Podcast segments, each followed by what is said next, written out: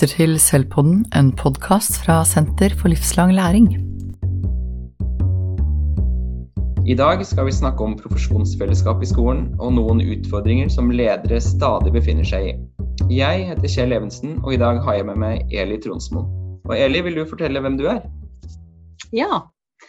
Jeg eh, jobber til daglig som postdoktor på Universitetet i Oslo på Institutt for lærerutdanning og skoleforskning hvor jeg eh, akkurat nå er med i et veldig spennende prosjekt hvor vi forsker på endrede vurderingspraksiser i skolen som følge av at eh, elever i mye større grad har en digital device. Og da lurer vi på hva er det som skjer med måten elever blir vurdert når ikke det lenger bare er gjennom skriftlighet og tekst, men når veldig mye av det de blir bedt om å lage og produsere, er en film eller eh, en eh, presentasjon eller bilde, lyd.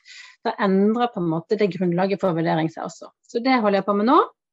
Og så jobber jeg også i den enheten som heter FIX, eh, som ligger under Utdanningsvitenskapelig fakultet, og som som en enhet som koordinerer det samarbeidet, eller den dekomp-ordningen som mange kjenner, som handler om etterutdanning for, eh, for lærere.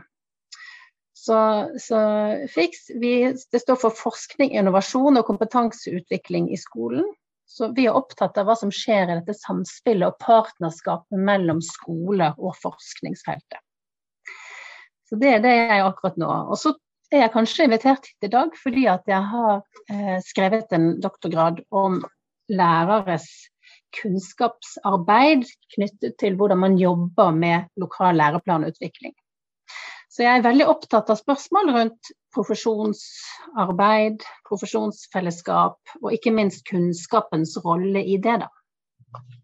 Ja, og det, egentlig så kunne jeg tenke meg å snakke om det vurderingsprosjektet, hører jeg. For det, det er også et av mine interesseområder. Jeg tror at det um, at den, eh, de nye digitale mulighetene gjør jo at vi mer, kan være enda mer i prosess med elevene våre. Så det er veldig spennende å se på den vurderingspraksisen og mulige endringer der. Da. Men det får vi kanskje snakke om en annen gang. Ja, kanskje det. Ja. Så i dag eh, skal vi snakke om profesjonsfellesskap. Og i eh, den overordnede delen av læreplanen kapittel 3-5 så får vi jo tydelige føringer for hvordan arbeidet i profesjonsfellesskapene våre i skolen skal foregå.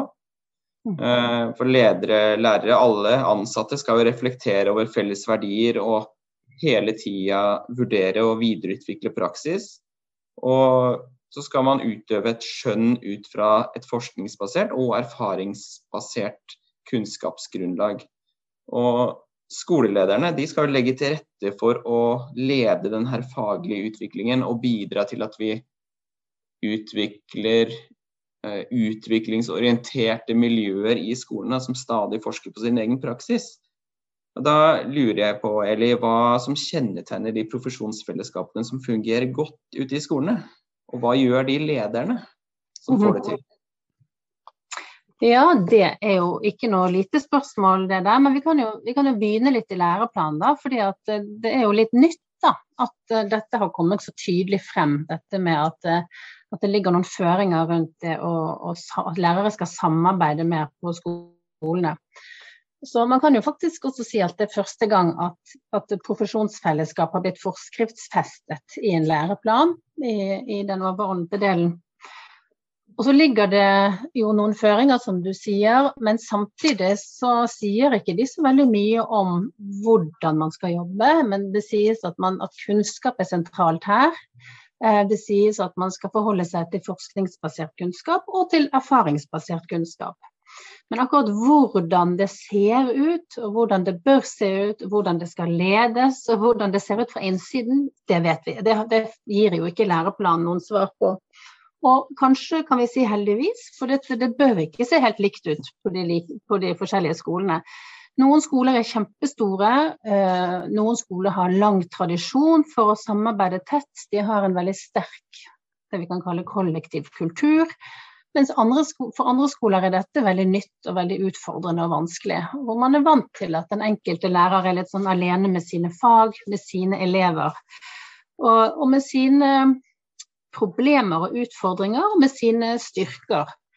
Sånn at eh, det er kanskje på de skolene hvor dette, dette kan være mest utfordrende. Og så er det noen skoler som er langt ute på landsbygda, hvor det er kanskje vanskelig å finne kvalifiserte lærere. Andre skoler er digre skoler midt i Oslo eller Bærum eh, med veldig, veldig stor stab. Sånn at hvordan samarbeidet organiseres og hvordan det ser ut, det vil avhenge veldig av hvilket sted man befinner seg. Men så er jo det neste spørsmålet da kanskje likevel Kanskje det likevel er noen ting som vi kan si som, som, er felles, litt uansett hvor man er, da. Eller som er i hvert fall viktig å tenke på. Og det er kanskje det du er ute etter i dag. Mm. Um, jeg vet ikke helt om jeg skal begynne i jeg kan, kan, kanskje jeg kan kaste ut litt sånn, tenke litt høyt, da. Et spørsmål. Hvorfor, hvorfor, har dette kommet så veldig tydelig frem nå? Hvorfor har man blitt så opptatt av dette med profesjonelle fellesskap? Kan man ikke bare jobbe litt som man vil? Det er, jo, det er jo et nærliggende spørsmål å stille. Og jeg tror svaret på det kanskje ligger litt hos profesjonen selv. At, eh, at, det også har kommet som et spørsmål fra ikke enkeltpersoner, men fra lærerprofesjonen i stort, at det er behov for å ha tilfang til kunnskap. Og det er også behov for at man har mer kollektive prosesser som bidrar til å kvalitetssikre og bidrar til å støtte hverandre.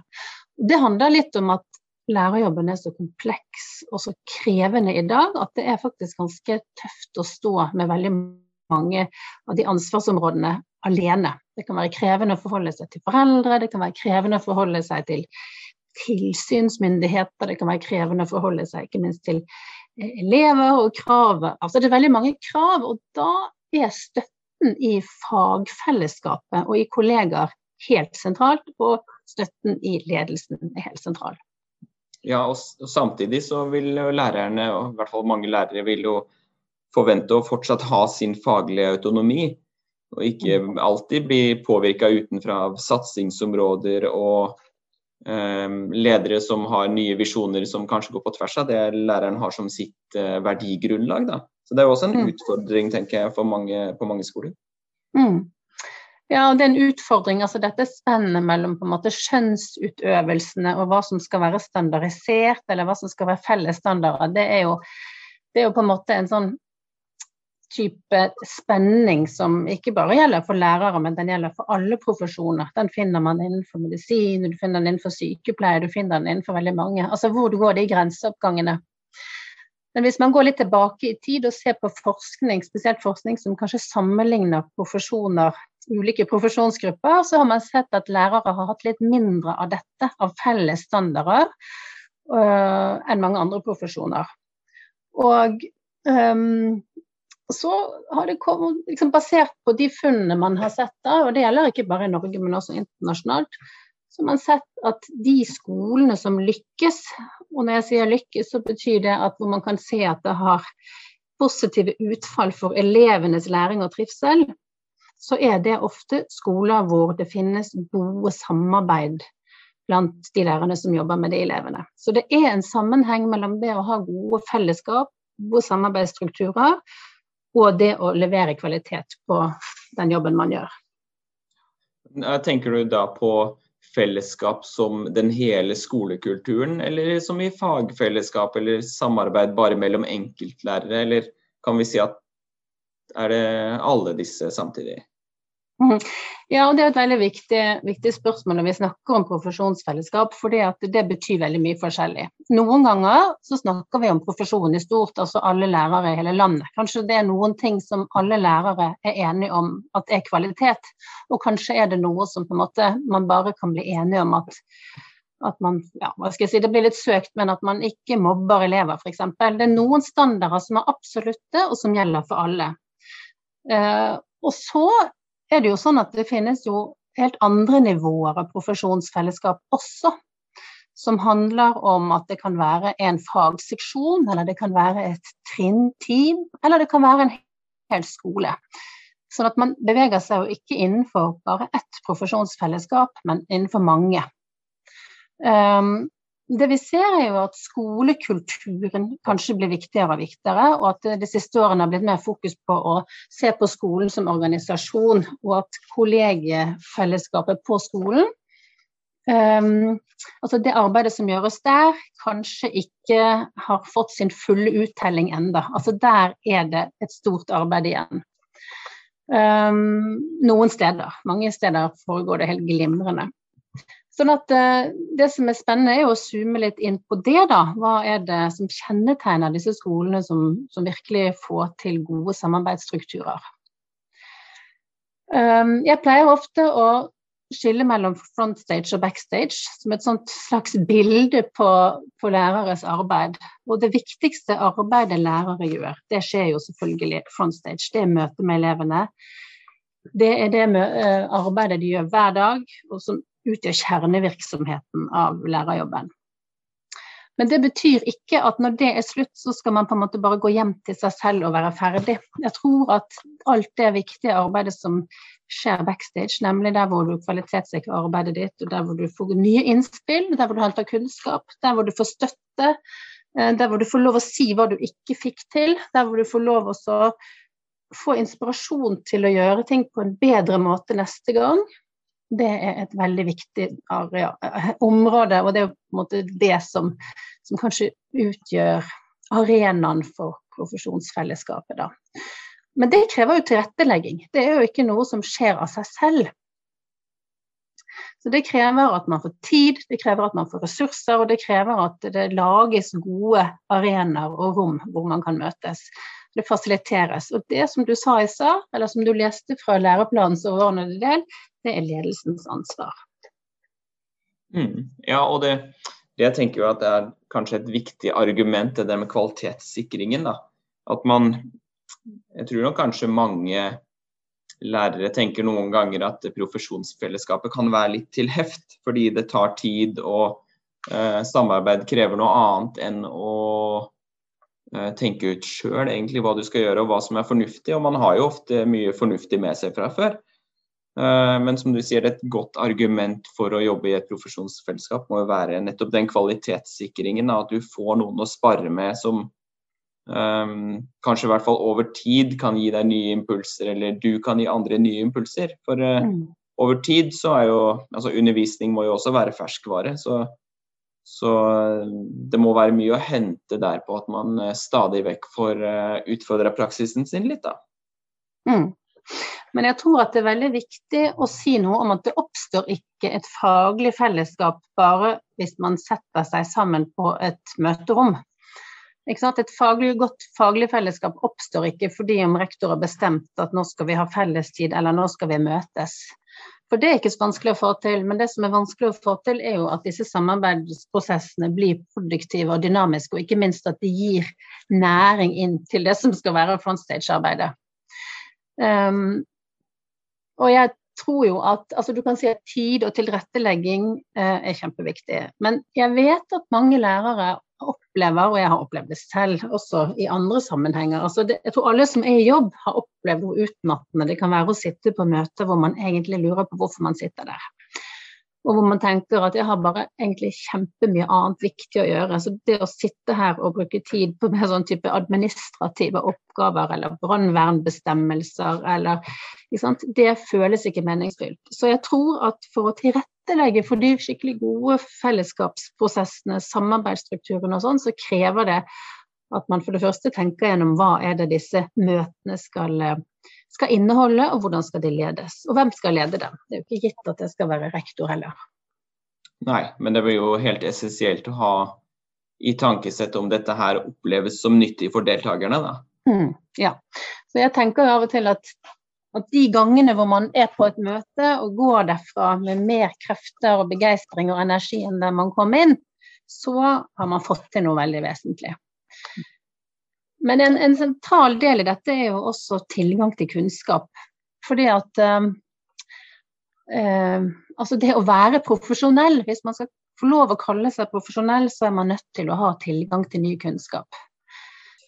Nei, og det med, å, det med, å, bygge opp gode møter, eller legge til rette for gode møtepunkter, eh, tenke gjennom hvilke møter angår alle lærere, hvilke møter angår bare én, noen lærere sammen. Altså når er det man får til produktive møter? Det er, finnes det en del forskningslitteratur på, og det er veldig vesentlig for at man skal få bygget opp disse gode fellesskapsstrukturene da, og møtepunktene.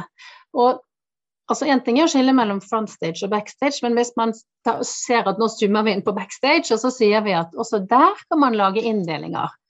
Og en ganske sånn vanlig inndeling er også å skille mellom det som er faglig utviklingsarbeid, og det som er mer sånn praktisk arbeid, eller hva skal man si, sånn eh, informasjon, praktisk informasjon, vikarsituasjonen og den type ting. At man skal bruke minst mulig utviklingstid på den slags. Det kan man kanskje klare å få til via andre kanaler. Og den tiden man sitter sammen, den skal være produktiv, den skal inneholde faglig påfyll som føles relevant. Den skal brukes til det vi var inne på i stad, nemlig å kvalitetssikre egen praksis, utvikle den videre.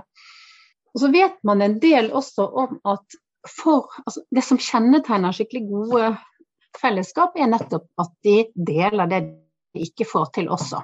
Det er en del av liksom det, å, det er kjernen i kvalitetssikring av arbeid. Og det er jo noe vi setter veldig pris på når når vi f.eks. er syke og skal trenger helsehjelp, at vi vet at den hjelpen vi får, er på en måte har gjennomgått en type kvalitetssikring i et faglig fellesskap før den møter oss frontstage som pasienter. Eh, så dette er veldig sånn, helt sentralt i alt profesjonelt arbeid. Men det gjør jo også at det er mer spennende å jobbe. Altså det, gjør, det, gjør, det mer stimulerende. Mm. Sånn at det, det skillet der mellom det som er informasjon som en rektor gir, og det som er utviklingsarbeid, som er med den kraften som kommer nedenifra, ofte fra lærerne selv, er et viktig skille. Og Der tror jeg mange begår en synd ved at man, man holder på med for lange møter som ikke er relevante. Mm. Ja, for noe av poenget, eller det som skal gjøre at du får energi fra møtene, er jo at du, vil, du får mer ut av møtene enn om du ikke hadde vært der. Ja. Og at det ikke blir presentert noe som du uansett kunne fått tilgang til. sånn at Du må ha en merverdi av møtet. Mm. Det tenker jeg også. Det, helt, det, var en fin måte å oppsummere det på. Mm. Og så er det jo noe med at man også kan bruke disse fellesskapene, enten det er møter eller det er andre fora. Det trenger jo ikke å være møter med alle sammen. Av og til så er det jo eh, noen er uformelle, noen er mer formelle. Noen, jeg har jo også vært borti gjennom forskningen min at lærere bygger opp nettverk selv og tar initiativ. Altså, sånn at for, for, ledelsen så blir det viktig å forfølge hvor er begeistringen her. Hvem er det som på en måte mobiliserer noe nå som kan være produktivt for flere, og ha litt en nese for det. Mens for lærerne selv så blir det noe med å ha tillit til de initiativene og lenke seg opp mot mennesker man har lyst til å samarbeide med. For da begynner gode fellesskap å vokse, og det kan endre en hel skolekultur. Jeg kan si noe om, om hva jeg fant i min egen forskning. Da. At, eh, for det første så har jeg vært opptatt av hvordan ser dette ut, ikke bare hos lærere selv. Jeg har forsket på lærere, men jeg har jo gått dypt inn i litteratur rundt det som hva kjennetegner kunnskapsarbeid og samarbeid når det er på sitt beste. Er det noe vi vet som, som er felles. Og da ikke bare felles for, for lærere på ulike skoler, men også for lærere og andre profesjoner. Så en del av de tingene jeg fant da når jeg gikk inn altså Det finnes så mye hva skal jeg si, elendighetsbeskrivelser av hva lærere gjør feil og hva de ikke får til. og sånn, Så jeg hadde så lyst til å snu litt på det spørsmålet. Hvordan kan dette se ut da på skoler som virkelig får det til? Og Da fant jeg egentlig noen sånne ja, en del viktige elementer som, som, jeg tenker kan være nyttig for oss og andre.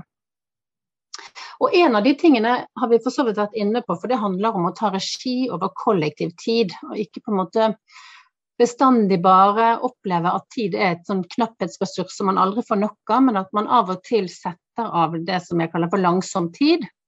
Uh, og det krever faktisk at ledelsen legger til rette. Og at man stopper opp, og så velger man ut noen områder som man skal orientere seg om. For man klarer ikke å jobbe med alt hele tiden. Så kanskje for en periode så skal man i fellesskap se på la oss si noe spesifikt innenfor vurderingsspørsmål, eller kanskje man har lyst til å jobbe med en type noe som knytter seg til hva, hvordan det er å ha en sammensatt elevpopulasjon, eller noe som knytter seg til et bestemt fag eller en av de grunnleggende ferdighetene. Jeg tror bare det å velge ut noe kan være veldig produktivt. Og det er igjen dette med å ta regi over kollektiv tid. For hvis ikke, så bare skjer ting. Da kommer man alltid halsende etter, og man, man kommer liksom aldri ovenpå. Og det, det kjennetegner jo profesjoner som vet når de skal sakke opp, eller ta, ta, det når de skal sakke ned på farten, og når de skal speede opp. For man kan ikke bare sakke ned. Man skal av og til ta masse beslutninger på, i løpet av veldig kort tid også, ellers så får man ikke gjort noe. Mm. Og så så jeg jo også at de fellesskapene som er gode på å jeg kaller det for materialisere. De fellesskapene som er gode på å, å eh, skriftliggjøre, enten det er i form av møtereferater, innkalling, eller det er ved å lage skisser, utkastmodeller. de blir, kommer også veldig fort videre i et produktivt sånt arbeid sammen, fordi at de ikke må starte på scratch hver gang. De har et felles utgangspunkt for, det de snakket om sist, som de kan starte opp igjen med neste gang. Så det å ha referater, det å ha innkallinger, det at man gir noen ansvar for å lage oppsummeringer av noe man har blitt enige om, noe man har lest, det gir et sånt springbrett til neste gang man møtes. Ja, ja og for eh, lederne som, som gjerne der skolen har en visjon, eller skoleeier har en visjon om og en langsiktig plan for eh, utviklingsarbeid, så vil det jo være fornuftig å knytte det opp mot den, de planene man allerede har, og velge mm. seg områder å fokusere på som er i tråd med planen sin. Da. Mm, helt klart. Og i andre, andre, profesjoner så er man veldig opptatt av dette her. Altså, du kan tenke bare på arkitekter, de, driver jo med noe, de lager jo modeller av ting før de bygger det store huset. Og I min forskning så, så jeg at en enkelte lærere de drev med modellering for hverandre hvis de skulle prøve noe nytt. Det syns jeg er et kjempegodt eksempel på at man liksom materialiserer noe. Fordi at man synliggjør det ved å prøve det ut de for de andre, før man tester det ut på elevene. Det er en veldig enkel og veldig morsom og veldig ja, hva skal jeg si, måte å kvalitetssikre arbeidet en kunne komme og si at jeg har et nytt, helt nytt opplegg i samfunnsfag, har dere lyst til å gi meg noen tilbakemeldinger på det. Og så brukte de kanskje en time hvor de byttet på å vise hverandre nye ideer. Og de var, ga hverandre kritikk, de ga hverandre begeistrede tilbakemeldinger. Men det bidro til å styrke kvaliteten på det arbeidet de skulle gjøre med elevene. Så denne formen for på en måte det å eksternalisere tanker, ideer, og dele det med hverandre før det lukkes. Det tenker jeg også er sånt, en, noe som kjennetegner kvaliteten på gode fellesskap. Mm. En annen ting er jo at, eh, at gode profesjonelle fellesskap de har ofte noen felles spilleregler for hvordan man skal samarbeide. Og Det kan høres innlysende ut, men det er ofte at man ikke får til det godt nok. Og vi som lærere, altså Alle lærere vet jo det når det gjelder elevene at av og til så trengs det noen sånne spilleregler for samtalen, hvordan den skal utøves, hvor lenge man skal holde på med én ting før man går over til neste ting. Um, hva er det som er greit å si, hvor mye skal én få lov å snakke i forhold til de andre? Skal man, skal man stille noen krav om at alle har forberedt noe? Den type ting kan man bli enige om. Så jeg tror at når man først har opplevd gleden og begeistringen ved godt samarbeid, så, så skjønner man verdien av det også.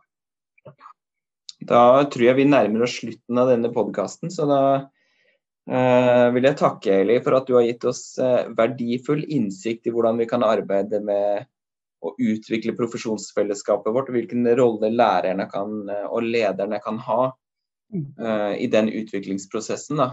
Og som vi snakka om nå til, til slutt her, kanskje lærere og elever og ledere kanskje de lærer likt alle sammen, og at vi skal ta med oss eh, kunnskap fra de ulike områdene og tørre å bruke, bruke den kunnskapen uh, innenfor alle de områdene.